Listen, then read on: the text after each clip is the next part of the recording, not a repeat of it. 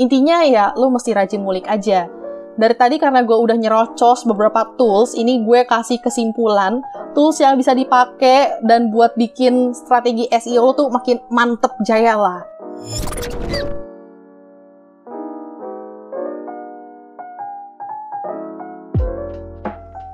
Halo semua, balik lagi bareng gue Raya di Ngomongin Bisnis by Melon Branding. Setelah kemarin gue kasih banyak hal tentang on page dan off page, lo udah mulai ngerti belum gimana caranya manfaatin SEO ini buat bisnis lo? Kalau ini emang pertama kalinya lo tahu soal SEO, udah pas banget deh lo dengerin podcast series ini. Kemarin kan gue banyak kasih tahu nih tentang teknik SEO-nya. Gue reminder lagi deh, ada dua strategi utama yaitu on page dan off page. SEO on page, lo memaksimalkan website yang lo punya supaya masuk ke halaman satu Google pas orang lagi ketik kata kunci tertentu. SEO off page, lo memaksimalkan pihak-pihak eksternal supaya mereka datang nih ke website lo. Selain bahas SEO, podcast ngomongin bisnis pastinya juga ya ngobrolin apa pun yang berhubungan dengan bisnis, marketing, dan juga branding. Setiap minggunya kita akan tayang untuk kasih paham nih ke lo beragam strategi bisnis, marketing, dan juga branding supaya lo bisa makin mengembangkan bisnis lo terus. Makanya jangan sampai skip deh dengerin ngomongin bisnis. Kalau lo bukan anak Audible, lo juga bisa kok belajar yang tadi udah gue sebutin itu di Instagram kita at Melon Branding. Bahkan lo juga bisa langsung tuh tanya-tanya di sana lewat DM. Kita juga punya beragam artikel yang bisa lo baca di www.melonbranding.com. Atau lo juga bisa nih nonton video-video kita di YouTube channel Melon Branding. Ya udah, sekarang gue lanjutin deh bahas SEO-nya ya.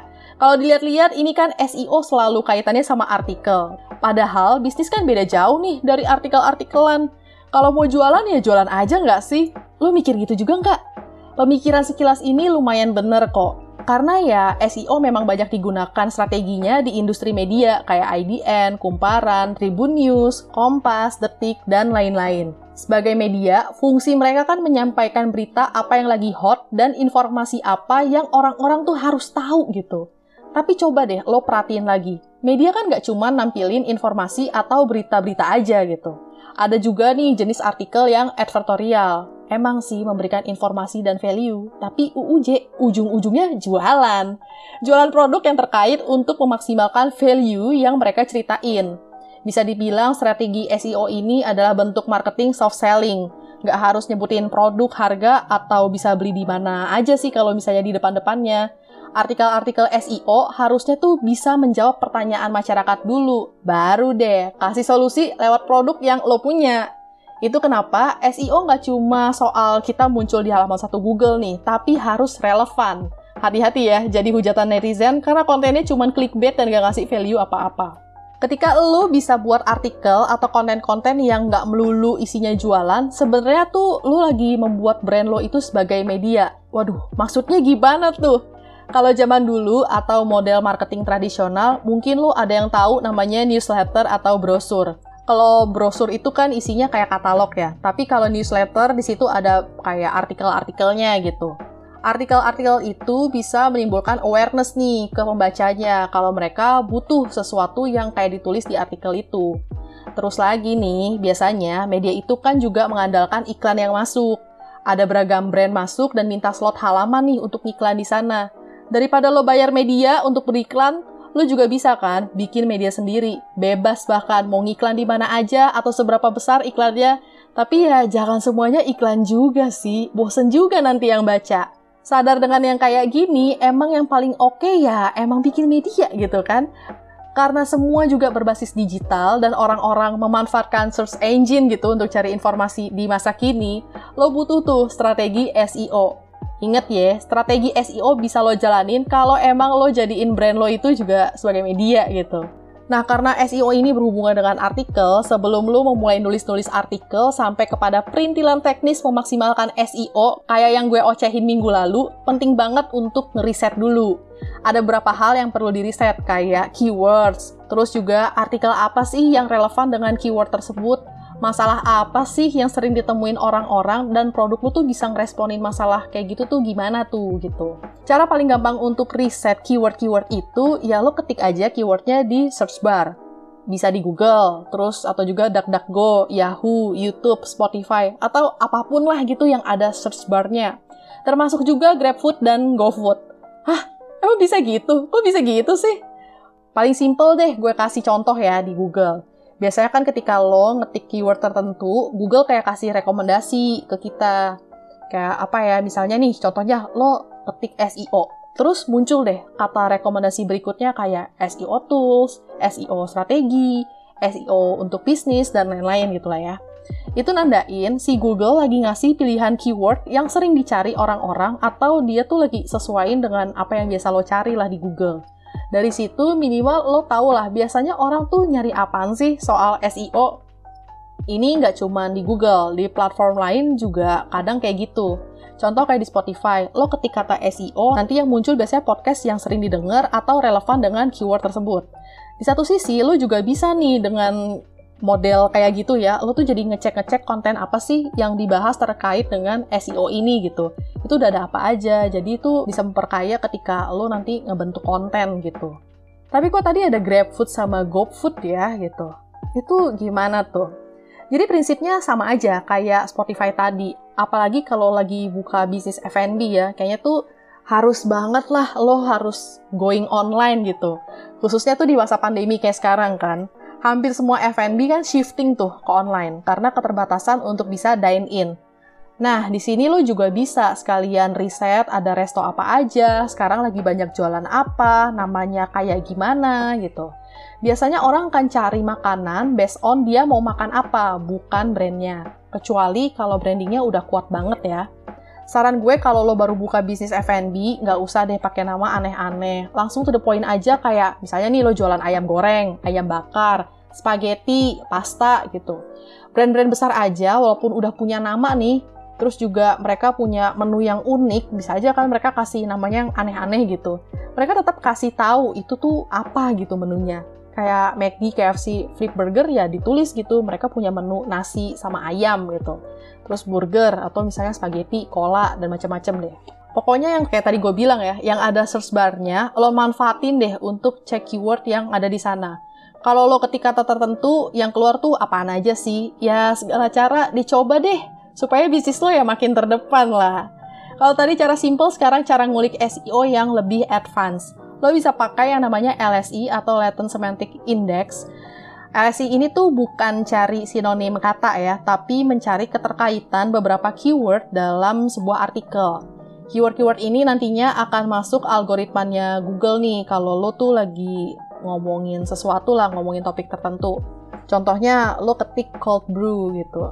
Bisa aja kan judul artikelnya tuh cold brew gitu. Di awal-awal langsung kelihatan. Tapi Google akan lebih ngerekomendasiin ketika artikel itu dan meta description-nya ditulisin beberapa keyword pendukung kayak filter, temperatur, green, cold water, atau es batu gitu. Hmm, gila. Ternyata bisa gitu ya. Ya, kalau semua artikel nih, contoh ya, ada tulisan cold brew-nya masuk ke halaman satu Google. Padahal nggak relevan gitu. Lu kan sebenarnya mungkin mau cari cold brew yang gimana sih cara bikin cold brew, bukan cold brew sebagai contoh atau ilustrasi gitu. Kan kesel ya kalau misalnya kayak gitu gitu. Jadi Google nih mesti lihat kesesuaiannya juga dengan ngecek lewat sistem kata-kata yang berkaitan dengan keyword itu gitu.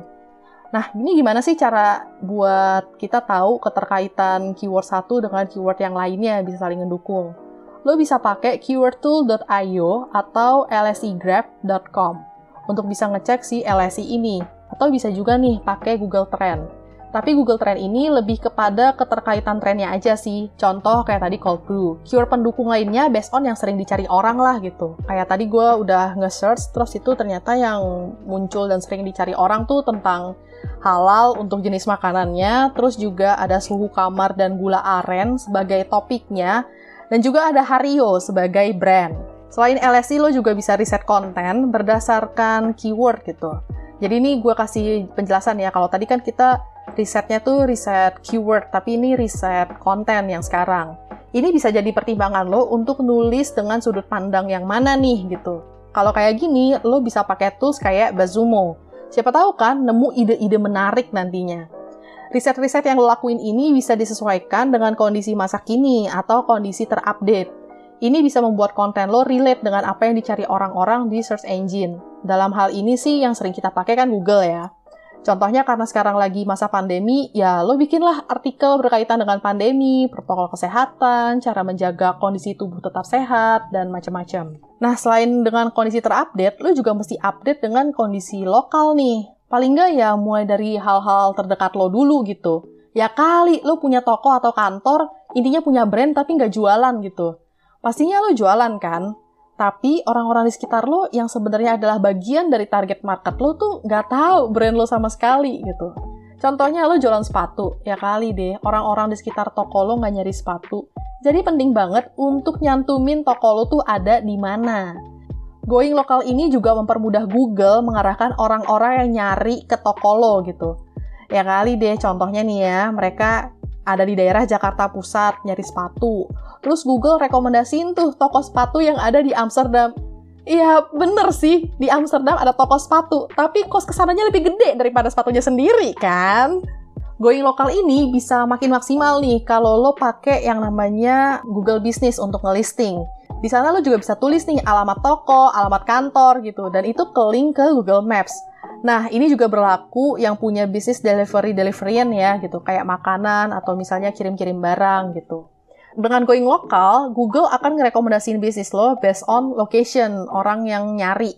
Contoh orang lagi sepedaan dari Cipete ke Sunter. Pas di Sunter, gigi rodanya bermasalah. Pas googling cari bengkel, pasti Google akan ngerekomendasiin bengkel terdekat di sekitar Sunter lah gitu.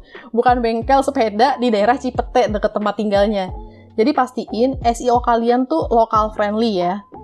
Setelah itu semua lo lakuin, termasuk riset sana riset sini, lo harus banget untuk bikin kontennya. Iya iya dong, jangan banyak belajar atau riset aja, harus dipraktekin juga nih bikin kontennya. Bikin konten ini nggak cuma bikin satu dua kali ya, tapi terus-terusan dan juga konsisten. Kalau ini adalah kali pertama dan yang baca atau mampir ke website lo dikit, ya nggak apa-apa juga, wajar aja kali. Tapi grafik visitornya harus naik dong, makanya harus konsisten nih kontennya. Karena kita nggak tahu di artikel keberapa yang bisa narik perhatian orang. Dengan konsisten konten di website, orang yang berkunjung itu jadi ngelihat brand lo sebagai sesuatu yang kredibel dan mereka nunggu-nungguin nih artikel baru dari lo yang bisa ngebantu hidup mereka. Supaya konsisten, lo juga bisa bikin planning. Contoh, lo mau artikel terbit seminggu sekali dengan tema A, B, C, D. Nah, itu bisa memudahkan lo untuk ngebentuk konten itu tuh, gitu. Nggak bingung lah cara lo untuk mau bikin konten apa. Nah, pertanyaannya adalah apakah setelah ngonten dan konsisten, tugasnya udah kelar? Wah, tentu aja belum dong Ferguso. Setelah artikel jadi, wajib dan kudu banget nih dicek ulang semuanya, tata bahasanya, sesuai atau enggak, pesannya sampai atau enggak.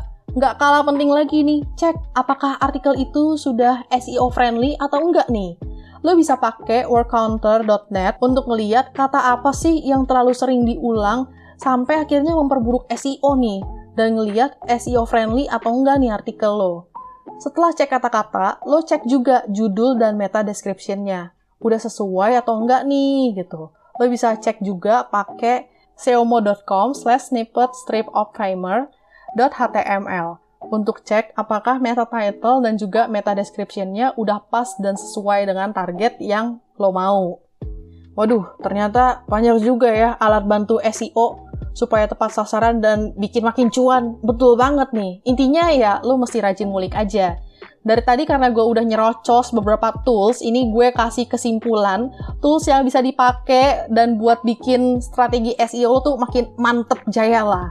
Kalau lo mau research keyword dan topik, lo bisa pakai keywordtool.io, lsegrab.com, Uber Suggest, atau Google AdWords khususnya Google Keyword Planner ya, kalau lo punya akun untuk beriklan di Google.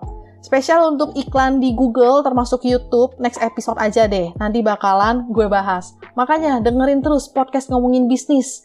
Lanjut nih, ke cek SEO setelah artikel jadi. Lo bisa pakai wordcounter.net, seomo.com slash snippet strip optimer.html, Terus juga lu juga bisa cek nih plagiarism-nya juga gitu. Jadi kan konten kalau misalnya di minggu lalu gue udah jelasin konten yang tingkat plagiatnya tinggi tuh ya agak susah untuk bisa ada di halaman satu Google gitu. Jadi semakin tinggi kedeteksi plagiat, apalagi di atas 10% kayak gitu, udahlah kayak susah lah untuk masuk halaman satu Google. Jadi make sure kalau misalnya artikel lo itu authentic. Thank you udah dengerin gue ngoceh soal SEO. Minggu depan gue bakalan bahas penggunaan SEO dengan contoh beberapa jenis bisnis. Jangan lupa untuk terus dengerin podcast ngomongin bisnis karena setiap minggunya akan mengudara nih episode-episode baru. Baca juga artikel-artikel insightful di www.melonbranding.com dan follow IG kita di @melonbranding. Sampai ketemu di episode berikutnya. Bye bye.